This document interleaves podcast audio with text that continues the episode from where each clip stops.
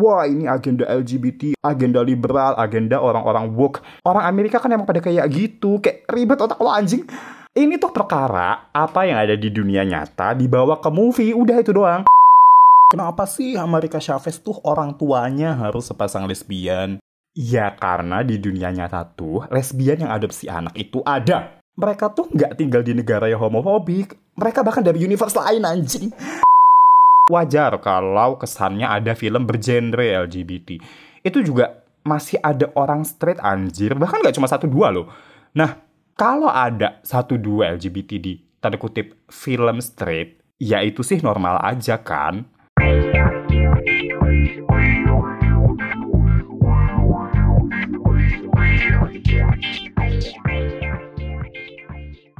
Harusnya sih gue bahas ini Juni kemarin ya pas Pride Month Tapi berhubung kesetaraan untuk LGBT masih belum tercapai Dan masih banyak isu LGBT yang harus dibahas Pride Month udah selesai atau bahkan belum mulai pun LGBT issues itu masih baik untuk tetap dibahas Halo, gue Budi dan lo lagi dengerin podcast Review SJW.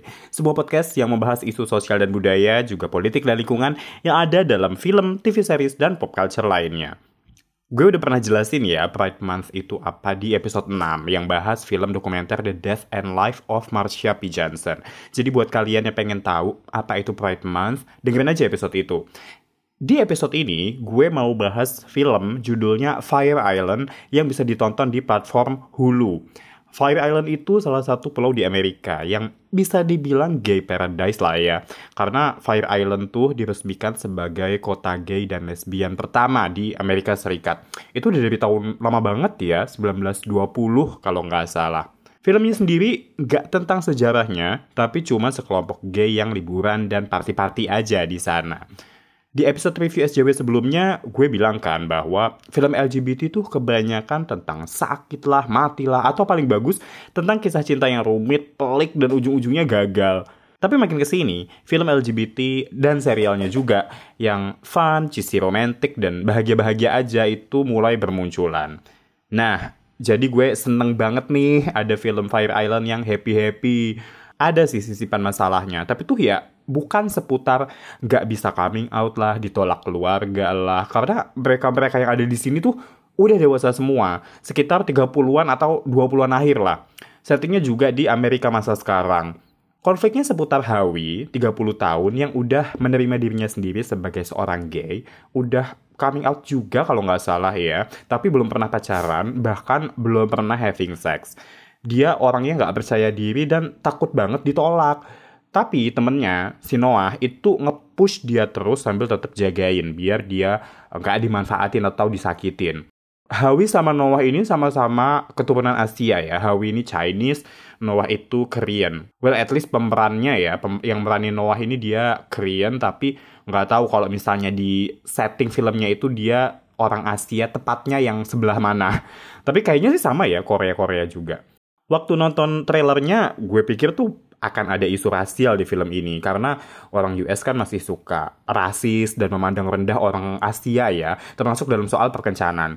Nah, gue pengen tahu juga aja kalau di perkencanan gay itu kayak gimana kasusnya. Ternyata di full movie-nya nggak ada isu rasial sama sekali. Tapi jujur gue tetap suka sih. Kalau ada isu rasial mungkin bakalan bagus ya. Tapi gak ada pun gue seneng karena filmnya tetap fresh dan fun banget. Gue sih tetap berharap ya kalau film ini tuh bakalan menggambarkan tanda kutip the unwanted gay guys atau gay yang gak diinginkan. Karena dari yang gue rasakan sih, Hawi, Noah, dan teman-teman satu circle mereka mereka tuh termasuk yang kayak gitu, terutama Hawi ya, yang memang merasa nggak diinginkan dan rendah diri. Awalnya sih cerita The Unwanted Gay Guys ini ada dan berasa, tapi makin berjalannya film yang dapat spotlight lebih banyak tuh ya tetap aja si Noah yang hot dan ganteng banget. Oke, dia termasuk dalam circle The Unwanted Gay Guys. Tapi dalam konteks, dia ini tuh nggak sekaya itu dan jawabnya dia nggak se-fancy gay-gay dari circle lain yang juga liburan di Fire Island. Tapi dia tuh fisiknya hot banget anjir. Personalitinya juga not bad lah dia suka bitter banget sih. Tapi ya paling ke circle GG orang kaya yang juga nyebelin aja. Gue agak menyayangkan sih, tapi ya you know, hot people are hot, enak dilihat. Belum lagi di film ini juga background story-nya menarik. Noah ini juga pinter, hot guy lainnya yang terus terlibat sama dia, Will namanya, dia juga sama kayak gitu. Jadi tetap enak lah untuk ditonton. Toh juga jadinya film ini secara ringan membahas isu kelas juga. Gue nggak tahu pasti ya, terutama apalagi di Indonesia, fenomenanya tuh seumum apa. Yang jelas sih cukup sering lah ada gay dari kelas menengah atas atau kelas atas apalagi memandang rendah gay yang kelas sosialnya di bawah mereka sampai ke titik gay-gay sobat miskin tuh not gay enough atau gak pantas berada di satu party yang sama sama mereka. Ya, orang-orang hetero juga banyak lah yang sikapnya begitu. Jadi nggak hanya terjadi di kalangan gay aja. Tapi, kelompok gay itu kan udah ditolak sama masyarakat ya. Jadi ketika di dalam kelompok sendiri masih ada pengkotak-kotakan, bukan cuma berdasarkan kelas sosial aja lah, tapi juga dalam hal pengekspresian diri, body shape, dan lain-lain, itu bakalan terasa lebih menyakitkan lagi. Makanya gue bisa relate ketika Noah tuh langsung suuzon sama The Rich Gay Circle. Pokoknya GG yang kaya tuh pasti bego, klasis, sombong, jelek-jelek pokoknya kepribadiannya. Ini juga gue rasa sebagai bentuk pertahanan diri ya. Jadi mikirnya ya bakalan direndahin dan ditolak anyway kalau coba deket-deket. Jadi sekalian aja mikir yang jelek-jelek biar nggak sesakit hati itu kalau beneran kejadian. Nah, rasa benci dari si Noah ini nih yang bikin dia jadi overprotective sama Hawi.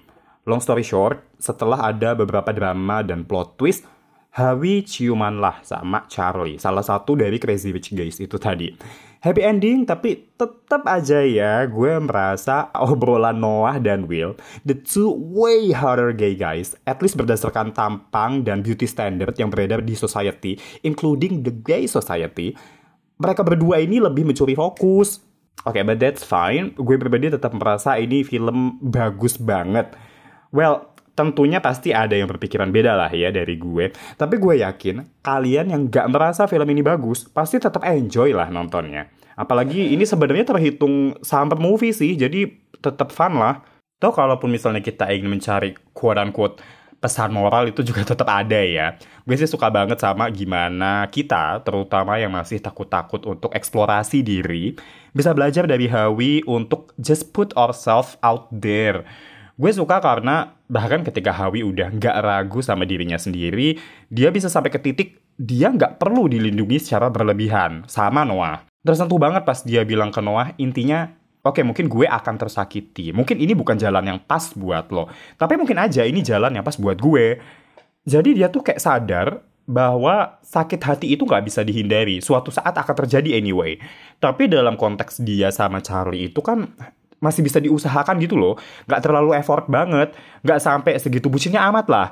Hawi tuh sadar kalau dia nyerah secepat itu, dia bukan cuma menghindari rasa sakit ke depannya, tapi dia juga akan membuang kemungkinan punya kisah yang, well, mungkin nggak segitu bahagianya amat ya, tapi at least nice enough lah. Bulan Juni kemarin kan rame banget ya guys soal isu film Lightyear, film dari salah satu mainan di Toy Story, si Buzz. Ramenya karena di beberapa negara film itu nggak boleh tayang Nah lo pasti udah tahu kan kalau gue ngomong nih arahnya ke mana. Bener banget, jadi nggak boleh tayangnya tuh karena ada adegan homoseksual di sana. Dan Disney tegas nggak ngebolehin itu untuk dipotong atau disensor. Di Indonesia sendiri, terakhir gue tahu ya, masih depending. Katanya akan ada kemungkinan bakal tayang, tapi kategori usianya untuk dewasa. Nah pas gue lihat potongan adegan yang dimaksud, jadi sempat bocor gitu kan di Twitter. Adegannya tuh kayak cuma dua detik anjir semacam kayak ada satu perempuan masuk ke rumah abis dari luar nah istrinya di dalam rumah ini kasih kecupan doang aja tapi di bibir udah gitu doang gue yakin pasti ada aja lah yang komennya tuh macam ya kalau cuma segitu doang kenapa harus ada sih ya kalau kata gue sih ya ini juga bisa dibalik antara hetero juga laki-laki dan perempuan kenapa di film harus ada kecupan di bibir gitu ya iya nggak di semua film dikit aja kok lah tapi pasangan gay yang ciuman di film juga nggak banyak tuh. Harusnya nggak apa-apa dong. Jujur bosen banget anjir tiap denger pertanyaan yang lebih kayak komentar ngejudge. Kenapa sih lagian harus ada karakter LGBT gitu di film? Well, dalam konteks ini, animasi anak-anak. Jawabannya adalah, iya mengapa tidak? Sefiksi-fiksinya, toh film itu kebanyakan berkiblat dari dunia nyata. Di dunia nyata, LGBT itu ada. Yang nggak aneh lah kalau juga ada di movie. Terus ini buat gue sih anjing sih jujur. Ada juga tuh komen-komen, wah ini agenda LGBT, agenda liberal, agenda orang-orang woke. Orang Amerika kan emang pada kayak gitu, kayak ribet otak lo anjing. Ini tuh perkara apa yang ada di dunia nyata dibawa ke movie, udah itu doang. Di movie kan ada manusia nih.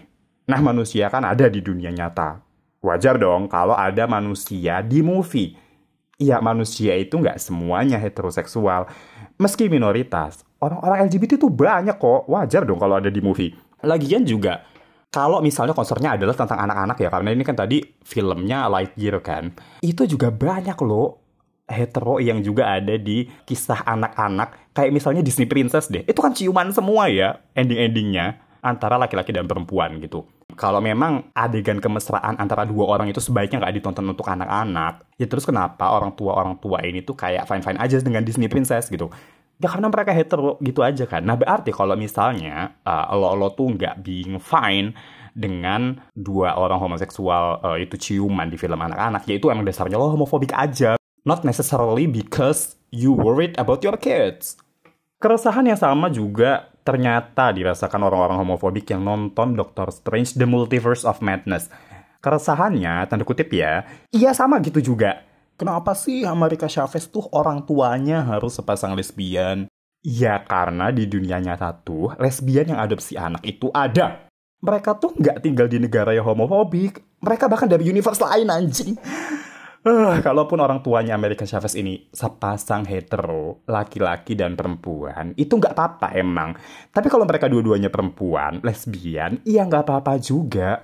Mana ada itu gay agenda, wokeness, itu namanya sesimpel representasi atau keterwakilan doang aja.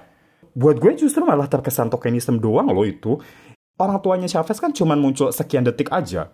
Sepasang perempuan ciuman di film Lightyear itu tuh juga ya udah gitu doang aja nggak ada tuh adegan LGBT lainnya lagi not bad sih sebenarnya memang cuma tempelan tapi buat gue ya nggak apa-apa juga nggak ganggu cuma ya aneh aja kalau sampai dianggap meresahkan tapi di saat yang sama buat gue juga agak kurang tepat ya kalau kita wah mengagung-agungkan Disney menganggap ini sebuah kisah yang berdampak sangat signifikan gitu di perfilman superhero dan anak-anak Gak gitu, Shay. Gak usah kasih Disney penghargaan yang segitunya amat.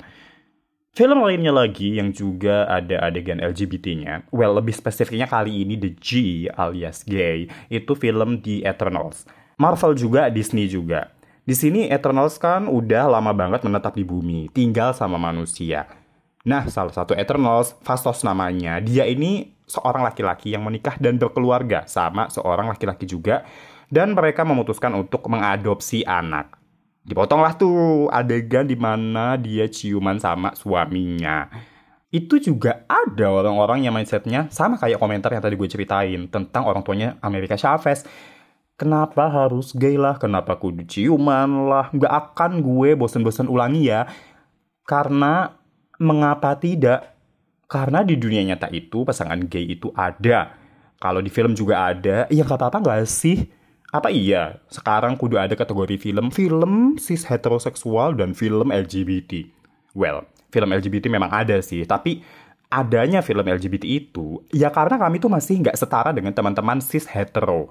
Struggle hidup, romance, bahkan pertemanan aja itu tuh masih ada masalahnya orang cisgender dan heteroseksual itu nggak mengalami masalah semata karena identitas gender dan orientasi seksualnya. Jadi nggak ada tuh kayak uh, orang cisgender dibully, ih dasar lo cisgender atau kayak orang heteroseksual terus dibilang, eh lo hetero ya, ih gila ya, gitu parah banget lo gitu gitu, lo dasar menyimpang sakit. Gak ada kan dia kayak gituin. Sedangkan gue deh misalnya, jadi gay doang aja, ada masalahnya banyak. Dibully bencong lah, nyokap ngarep ada mukzizat dan gue bisa berubah lah. Teman-teman yang cut off gue juga mungkin ada. Well gue nggak tahu sih, tapi mungkin aja ada ya. Belum soal perkencanan juga, nggak bisa flirty di real life, option terbatas, internalized homophobia dari uh, orang-orang lain dan juga mungkin gue masih ada sedikit kali ya yang mesti gue benahi. Teman-teman gay lain juga ada masalah lain ada yang susah dapat kerjaan karena mereka gay, dipecat karena gay juga ada. Aduh banyak deh. Teman-teman LGBT juga ada lagi masalah masing-masing yang tanda kutip khas mereka. Wajar kalau kesannya ada film bergenre LGBT. Itu juga masih ada orang straight anjir, bahkan gak cuma satu dua loh. Nah, Kalau ada satu dua LGBT di tanda kutip film straight, ya itu sih normal aja kan.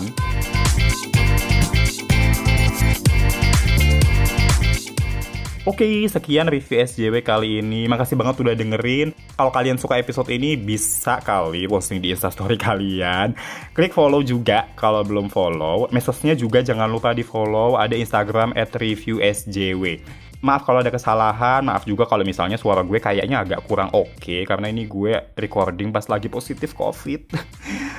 uh, oke, okay, gue Budi pamit. Sampai jumpa di episode-episode selanjutnya. Bye-bye!